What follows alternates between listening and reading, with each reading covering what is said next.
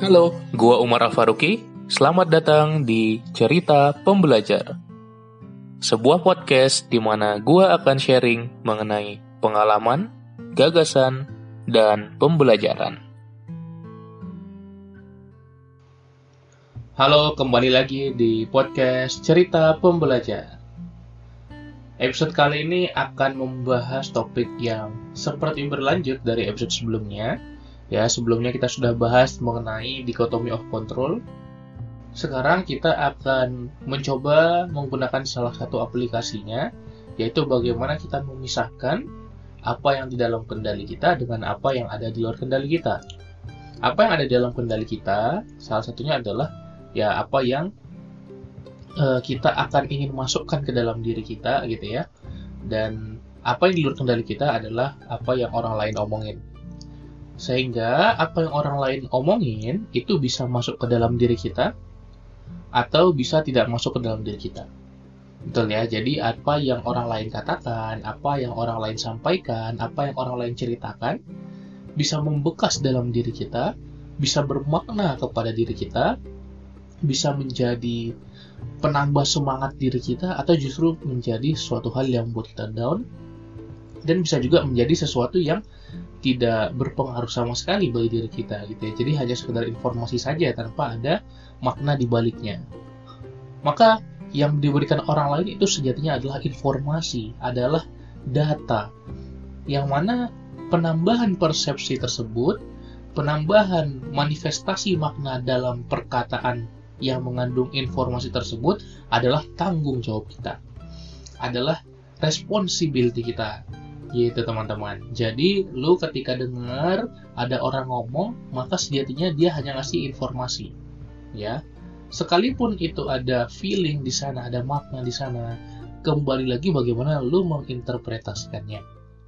Jadi ketika misalnya uh, ada yang ngomong wah ini gak enak banget nih masakan lu misalnya seperti itu gitu ya. Apakah lu memahami informasi tersebut dengan cara yang seperti apa? Itu terserah lu ya. Tapi intinya ada informasi makanan lu tidak enak menurut orang tadi. Ada banyak sekali implikasi-implikasi yang mungkin terjadi. Apakah pertama memang informasi itu bernilai kebenaran? Gitu ya karena ada nilai kebenarannya benar atau salah. Jangan-jangan makanan lu sebenarnya enak gitu ya. Atau mungkin makanan lu jadi tidak enak. Kemudian kalau makanan lu tidak enak akibatnya apa? Apakah maknanya dia tidak suka? Atau dia masih suka terhadap makanan lu gitu ya. Jadi masih suka atau tidak suka bahkan gitu ya. Nah terus kemudian apakah itu dia seakan-akan nyuruh lu untuk mengganti makanannya pada saat itu juga? Atau bagaimana lu bisa memperbaiki masakannya nanti? Atau bagaimana lu bisa belajar masak lebih bagus lagi? Nah banyak sekali interpretasi interpretasi interpretasi yang bisa ditimbulkan hanya dari suatu perkataan. Nah sehingga ada suatu perkataan yang bermakna bagi diri kita ketika dia membangun dan ada yang kurang bermakna bagi kita ketika dia merusak. Dan dari satu perkataan itu bisa ada makna membangunnya, ada makna merusaknya juga. Terkadang lebih banyak yang sini, lebih banyak yang membangun, lebih banyak yang merusaknya.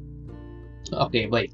Jadi di sini gue pengen mendefinisikan sebagai informasi yang diberikan oleh orang lain, oleh teman kita, oleh keluarga kita yang baik, yang bagus, yang bermanfaat itu gue pengen sebut sebagai sinyal, ya signal, signal. Jadi sinyal ini adalah uh, yang bermanfaat bagi diri kita. Kemudian yang kurang bermanfaat dari diri kita ada yang namanya noise, ya atau kita sebut derau gitu ya, pengganggu. Gitu. Maka ada sinyal, ada noise. Nah, Mungkin kalau teman-teman yang belajar ilmu komunikasi tahu apa maksudnya sinyal sama noise gitu ya. Kalau gue juga dulu belajar di engineering tentang sistem komunikasi, ada juga yang disebut sebagai sinyal noise gitu ya. Walaupun sinyal noise ini dalam uh, transmisi komunikasi gitu. Jadi ada juga yang sinyalnya itu adalah nilai-nilai yang kita inginkan, informasi-informasi yang kita mau. Tapi ada noise yang merambat bersama dengan sinyal. Nah, poinnya adalah kita tidak bisa uh, apa namanya menolak semua atau menerima semua. Karena ada sinyal ada noise tadi. Kalau kita menerima semua berarti kita dapat sinyal dapat noise-nya. Kita nggak mau kan karena kita ada noise-nya tadi yang bisa merusak. Tapi ketika kita reject semua kita ignore semua kita akibatnya walaupun kita nge-reject noise-nya kita juga nggak dapat sinyalnya. Maka kita pengen dua-dua nih. Ya jadi teman-teman kita pingin dua-dua. Kita pingin bagaimana sinyalnya ada kita terima dan ada juga si rejectnya kita tolak eh si noise-nya kita tolak gitu ya Nah, maka kalau dulu gue belajar ada namanya SNR, signal to noise ratio gitu ya. Jadi supaya itu semakin besar gitu ya, apa yang kita upayakan ya supaya signalnya itu besar, banyak si noise-nya itu kecil. Nah, tentu gue nggak akan bahas mengenai materi engineering kelas teknik gue dulu, enggak ya. Jadi yang akan juga gue coba share di sini adalah bagaimana teman-teman bisa mengaplikasikan signal noise ini di kehidupan sehari-hari. Bagaimana teman-teman bisa? Yang gue utamakan adalah bukan menerima tapi menolak. Kenapa? Karena nature kita adalah ya kita menerima informasi uh, yang dapat kita terima gitu ya. Kita menerima informasi yang kita peroleh yang kita dapatkan. Maka yang ingin gue coba share di sini adalah bagaimana cara kita menolaknya. Bagaimana cara kita nge-reject informasi-informasi yang mungkin tidak kita butuhkan atau yang mungkin kita uh, ketika menerima informasi itu kita jadi down gitu ya atau ketika menerima informasi itu jadi merusak diri kita gitu ya. Kenapa ini penting? Karena di era information overload seperti sekarang ini era informasi ini kita dapat streamless of information jadi banyak banget informasi-informasi yang kita peroleh. Akibatnya apa? Akibatnya kita perlu menyaring akhirnya gitu ya mana informasi-informasi yang berkualitas yang mau kita consume gitu mana informasi-informasi yang kurang berkualitas yang mau kita filter Oke. Nah, yang pengen gue bahas di sini itu bergantung dengan bagaimana kepribadian lu. Bagaimana tipe pribadi lu nanti masing-masing caranya beda. Loh, kok gitu, Mark? Karena ketika kita membahas cara kita menyikapi suatu informasi, itu juga berkait dengan apa yang namanya cara kita menyikapi orang lain, cara kita menyikapi suatu keadaan, cara kita menyikapi suatu pekerjaan, dan seterusnya. Gitu. Jadi, buat lu yang sudah tahu uh, kepribadian lo apa ya di sini gue menggunakan empat kuadran uh, banyak yang terkenal seperti four temperaments atau DISC yaitu mengacu pada empat kuadran dengan dua aksis ya ada aksis task people gitu ya ada aksis juga extraversion introvert extrovert jadi gue coba lu bayangkan ya coba lu bayangkan gue minta lu bayangkan ada dua sumbu gitu ya. Jadi ada dua sumbu X sumbu Y itu ya. nanti ada membagi dua sumbu itu menjadi empat kuadran gitu. Jadi ada sumbu yang pertama ya itu adalah yang ke kanan ya, yang ke kanan itu lu anggap coba sebagai uh, task ya, sebagai task base. Jadi orang-orang yang lebih berorientasi pada pekerjaan, pada tugas, ya, lebih berorientasi pada uh, hal yang sedang dikerjakan gitu. Sementara yang di kiri adalah people based, jadi lebih berorientasi pada orangnya gitu ya, orang lain gitu ya, bagaimana dia bisa lebih uh, care dengan orang lain dan seterusnya. Kemudian uh, untuk sumbu yang vertikalnya, maka yang bawahnya itu nanti adalah yang ekstrovertnya ya yang ada itu adalah orang yang introvertnya gitu ya. Jadi lebih ke orang-orang yang pasif sama aktif kurang lebih begitu. Ini tidak ada yang negatif tidak ada yang positif ya. Jadi lebih ke kita cocoknya cenderungnya yang mana. Gitu. Nanti kalau misalnya di berbagai kuadran ada yang namanya D atau dominan.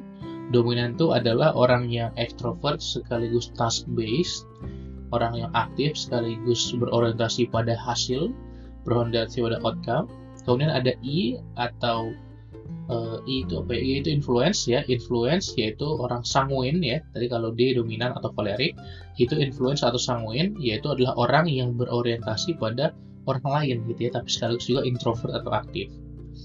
Nah, S atau steady atau phlegmatic adalah orang yang berorientasi pada orang lain tapi pasif gitu ya, tapi yang uh, introvertnya tadi yang D sama I sorry yang T sama I adalah extrovert ya. Nanti D sama I itu extrovert yang S sama C itu yang introvertnya gitu yang pasifnya. Yang C atau choleric atau sorry C itu compliant atau melankoli jadi si C itu adalah yang berada di kuadran bawah kanan gitu. Jadi uh, dia task based gitu ya dan juga dia introvert atau pasif. Maka gua recap lagi tadi D sama I ya D sama I itu adalah dominan sama influence itu berada di bagian yang in uh, ke orang lainnya sorry itu yang aktif sorry ya uh, yang kolerik sama sanguin atau dominan sama influence itu adalah yang aktif yang aktif ini sifatnya dia berarti ekstrovert. Kemudian yang S sama C itu adalah yang pasif atau introvert, yaitu adalah steady sama compliant. Kemudian kalau I sama S itu adalah yang people based, ya people based berarti berorientasi pada orang lain gitu ya. Tapi kalau yang D sama C dominan sama compliance itu lebih ke bagaimana dia lebih berorientasi pada pekerjaan dan juga hasilnya. Nah, coba jadi lu sekarang berada pada posisi yang mana ya?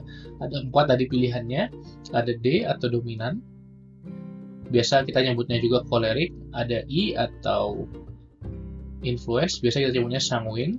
Kemudian ada S atau steady, biasa kita sebut juga phlegmatic, dan juga ada C atau compliance yang kita sebut juga sebagai melancholy. Ya, mungkin nanti untuk bisa memahami ini lebih lanjut, gue juga belajar banyak banget terkait hal ini. Mungkin di episode-episode berikutnya gue bakal discuss juga gimana cara kita paham kepribadian kita dan bagaimana cara kita bisa menyikapi orang lain berdasarkan personality-nya. Gitu ya, dan gue juga menggunakan itu sebagai life hacks gue. Akibatnya apa? Akibatnya ketika gue ketemu orang, oh gue tahu nih orangnya tipenya kayak gini. Maka approach-nya yang harus gue lakukan adalah seperti ini. Itu powerful banget juga. Tapi gue nggak akan mendiskus banyak hal tersebut pada episode kali ini. Ya, jadi dengan memahami itu, ya, gue pengen tanya nih, sekarang lu orangnya D, orangnya I, orangnya S, atau orangnya C. Kenapa? Karena untuk masing-masing orang nanti cara kita menyikapi signal and noise ini berbeda. Gitu ya, cara kita menyikapi signal and noise ini berbeda satu sama lain. Ya, tapi yang ingin gue bahas adalah bagaimana di noise-nya saja ya. Karena signal kita tidak sulit mengakses Dan ketika kita bertujuan untuk negate, noise-noise tadi gitu ya, kita negasikan, artinya kita sudah otomatis mendapat sinyal semua gitu ya. Karena informasi itu ya kalau nggak sinyal ya noise gitu ya. Message sama dengan signal plus noise. Jadi ada kalau noise kita habisin, maka semua message kita adalah signal. Oke. Okay. Nah, cara kita untuk mendapatkan sinyal sebanyak mungkin gitu ya, atau dengan mengambil noise sekecil mungkin, caranya adalah dengan kita mencoba menyesuaikan tipe personality kita berdasarkan metode-metode apa ya penolak noise tadi gitu ya metode penolak noise tadi. Nah ini dia langsung saja mungkin yang lu tunggu-tunggu adalah empat cara kita bisa mengignore noise-noise yang ada gitu ya informasi-informasi yang kurang kita butuhkan dengan empat personality ini. Oke, yang pertama kalau lu orang D gitu ya, orang yang dominan, artinya orang yang menggebu-gebu, orang yang bervisi besar, orang yang berjangka panjang pikirannya, orang yang semangat, orang yang menjadi leader, orang yang bisa membuat berbagai orang semangat di sekitarnya untuk mencapai visi bersama gitu ya. Caranya adalah ketika kita di, uh, diberikan informasi negatif gitu ya, informasi yang kurang kita inginkan, informasi yang kurang baik, caranya adalah uh, calm gitu ya. Jadi caranya adalah tenang dan melunakkan diri tenang dan melunakkan diri. Ya, oke mungkin ini bisa dianggap uh, semua orang bagus seperti ini gitu, tapi tidak seperti itu karena orang D sangat perlu tenang gitu ya. Jadi mungkin kalau dulu yang D benar-benar merasakan kenapa tulisnya berguna karena biasanya kita tidak tenang pada saat itu gitu ya. Tapi buat orang-orang yang tidak D, uh, ya itu sudah jadi hal yang umum. Jadi coba lu soroti sesuai dengan personal diri. Oke, jadi orang D ya kita coba tenang dan melunakkan diri, calm and soften yourself. Kemudian ada orang I ya atau sanguin atau influence, maka orang I ini caranya adalah untuk kita joking ya, kita bercanda aja sambil uh, jalan gitu ya, sambil lalu gitu. Jadi orang sanguin ini adalah orang yang paling rame, paling seru ya yang kalau di sebuah party dia paling asik paling supel paling bisa ngobrol sama orang gitu ya. Nah jadi ya kalau misalnya ada suatu hal yang negatif ya kita tanggapi saja gitu ya. Jadi tanggapinya sebagai apa? Tanggapinya sebagai joke. Tanggapinya sebagai candaan ya. Kita balas aja dengan candaan gitu. Tapi kita walk away dari situ sehingga kita nggak terima. Maka caranya kita terima bukan untuk kita masuk dalam diri kita tapi kita terima untuk kita pantulkan kembali. Gitu caranya. Jadi kita joke kita buat candaan dari hal tersebut. Karena biasanya orang I dia gampang dia membuat joke karena dia uh, spontan orangnya impulsif. Jadi uh, sesuai juga dengan personalitinya kemudian yang ketiga adalah orang S atau steady atau phlegmatic Maka caranya adalah bagaimana ketika mendapatkan hal negatif, ketika mendapatkan noise tadi, coba menghentikan yang namanya inner conversation. Oh, apa ini? Jadi orang S itu sering ngomong di dalam dirinya. Kenapa? Karena orang S adalah orang yang humble, orang yang apa namanya bisa tenang dengan orang lain gitu ya, sangat peduli, sangat care dengan orang lain, tapi bukan orang yang paling banyak bicara gitu ya, tapi orang yang paling banyak mendengar justru. Orang paling mendengarkan orang, orang yang paling sering dicurhatin gitu ya. Mungkin lu ada yang merasa seperti ini, maka lu cocok dengan tipe S. Nah, buat orang yang tipe S ini coba berhenti uh, kita ngomong dalam diri kita gitu ya. Kenapa? Siapa yang ngomong dalam diri kita? Ya diri kita sendiri. Tapi seakan-akan ada seperti roh dua gitu ya. Ada uh, ada diri kita gitu. Tapi ada di dalam pikiran kita terus bergejolak gitu ya. Terus ngomong gitu. Wah ini lu kurang ini, lu kurang ini ya. Oh ini karena kemarin lu seperti ini gitu ya. Jadi kita ngomong dalam diri kita sendiri tanpa sadar. Nah tujuannya adalah ketika kita mencoba mengupayakan untuk noise itu kita hilangkan, kita coba hilangkan back conversation tadi, inner conversation tadi. Gitu. Jadi ketika kita uh, sudah belajar ini, kita bisa nanti lebih aware. Wah, ternyata ada ini tuh dalam pikiranku yang memang harus dihentikan. Gitu. Jadi selama ini kita melakukan itu tanpa aware. Gitu. Jadi sekarang kita coba aware untuk menghentikan itu. Nah, perbedaannya adalah ketika kita mendapatkan hal yang positif, kita juga muncul inner, inner conversation-nya tapi itu nggak apa-apa gitu ya tapi ketika kita dapat hal yang negatif atau noise maka itu harus kita hilangkan gitu teman-teman kemudian lo juga bisa coba untuk menggantinya dengan hal yang positif gitu ya jadi uh, apa kira-kira yang bisa diganti dari hal tersebut ya? Jadi kalau inner conversationnya itu negatif lo bisa change jadi yang positif. Dan kemudian yang C yang terakhir adalah orang yang nyimpen gitu ya orang uh, yang terkesan agak misterius gitu ya orang yang introvert dan juga outcome based, orang yang jenius, orang yang brilian, orang yang jago banget, orang yang kalau misalnya kerjaan biasanya beres gitu ya, yang pinter gitu, tapi biasanya tidak banyak bersosialisasi dengan orang lain. Ada yang seperti itu. Nah, caranya adalah coba kita ignore saja dan anggap tidak ada yang terjadi gitu ya. Jadi ketika misalnya tadi ya kita anggap aja tong kosong nyaring bunyinya kalau misalnya kita orang yang C gitu ya, orang yang compliant atau melankoli gitu. Jadi ada empat cara tadi uh, pertama kalau untuk D caranya tenang dan lunakkan diri. Kemudian kalau untuk yang I caranya tadi kita joke gitu ya bikin kita bikin candaan. Kemudian yang ketiga yang S caranya adalah kita hentikan inner conversation dalam diri kita. Dan terakhir yang keempat atau yang C caranya adalah kita anggap tidak ada yang terjadi. Maka tadi walaupun ada empat tips gitu ya. Ada satu tips setidaknya yang paling kena banget di lu nah yang mendengarin ini ada satu tips yang harusnya paling cocok banget buat lu karena ini berdasarkan personality. Jadi lu bisa sesuaikan kebutuhannya seperti apa berdasarkan kepribadian lu yang cocok di sini kalau buat lu yang belum personality test, silahkan cari di internet sudah banyak dan nanti bisa disesuaikan tips yang mana yang paling sesuai buat lu terapkan gitu ya. Jadi lu bisa mengabaikan noise-noise yang ada di sekitar lu sehingga kita bisa mengurangi negativity, mengurangi hal-hal negatif yang kita dengarkan, yang kita ucapkan juga. Maka hidup kita lebih banyak uh, dipenuhi hal-hal yang positif-positif saja gitu. Jadi gue harap di episode ini bisa bermanfaat buat lu yang dengerin gitu dan bisa lu implementasikan juga.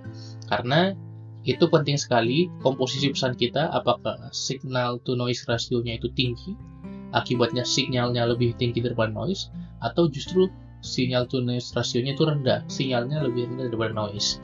Jadi lebih banyak hal-hal yang gak bermanfaat lebih banyak hal-hal yang kurang bermakna lebih banyak hal-hal yang merusak yang kita dengar, yang kita baca, yang kita lihat, yang kita rasakan. Ya akibatnya hidup kita pun terbentuk seperti itu. Tapi kalau misalnya lebih banyak hal-hal yang bermanfaat, hal-hal yang bermakna, hal-hal yang membangun, hal-hal yang meningkatkan kualitas diri dari apa yang kita baca, apa yang kita dengar, apa yang kita pikirkan dan apa yang kita rasakan, ya itu semua informasi kan, itu semua message. Nah jadi kalau misalnya kita dapatnya seperti itu, itu pun juga akan membentuk diri kita dan membentuk hidup kita menjadi lebih baik juga. Harapannya lu bisa terus menerima sinyal-sinyal yang ada dan bisa mereject, nge-ignore noise-noise yang lu tidak inginkan. Semoga episode kali ini bermanfaat dan bisa lo implementasikan. Terima kasih banyak yang sudah mendengarkan sampai sini. Kita jumpa lagi di episode-episode berikutnya. Salam pembelajar. thank you